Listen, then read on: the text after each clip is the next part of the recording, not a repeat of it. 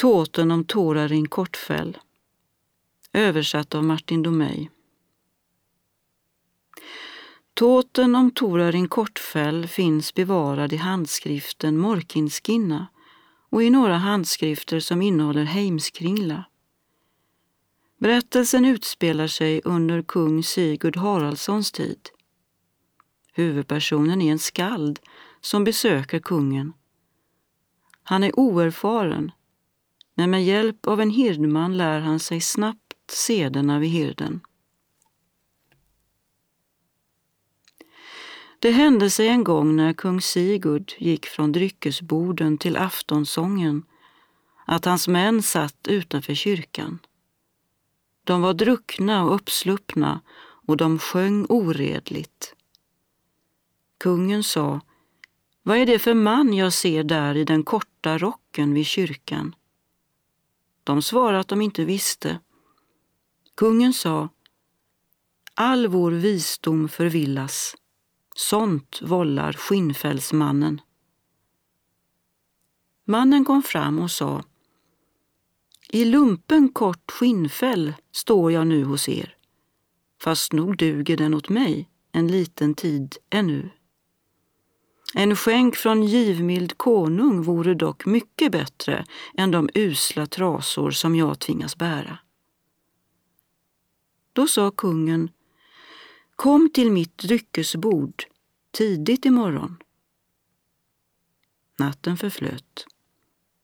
Islänningen, som kallades Torarin Kortfäll, kom till dryckesstugan. Utanför stod en man med horn i handen och sa till islänningen Kungen har sagt att du ska dikta en strof innan du får gå in, om du vill få någon gåva av honom. Strofen ska handla om Håkon Serksson och som kallas talgstrut och det ska framgå av strofen. Mannen som talade med honom hette Arni och kallades Snedstrand. De gick in och Torarin gick fram till kungen och framförde en strof. En gåva har du lovat, du hövding över trönder, om jag till Särks släkting en enda strof vill dikta. Håkon sade du att han heter. Du givmilde härförare, till detta bör och läggas att han talgstrut kallas. Då sa kungen, det har jag aldrig sagt. Du måste ha blivit lurad. Nu får Håkon bestämma straff för dig. Gå till honom och hans män. Men Håkon sa, han ska vara välkommen hos oss och jag vet nog varifrån detta kommer. Och han lät islänningen sitta bland dem och stämningen var uppsluppen. Dagen led och drycken gjorde verkan. Håkon sa, tycker du att du är skyldig mig något? Torarin svarade, visst tycker jag att jag är skyldig dig något. Eller misstänkte du inte att du blev lurad? Han svarade att så var det. Håkon sa, då låter vi udda vara jämnt om du diktar en strof om Arni. Han sa att han var beredd att göra det. De gick sedan bort till Arni. Torarin diktade.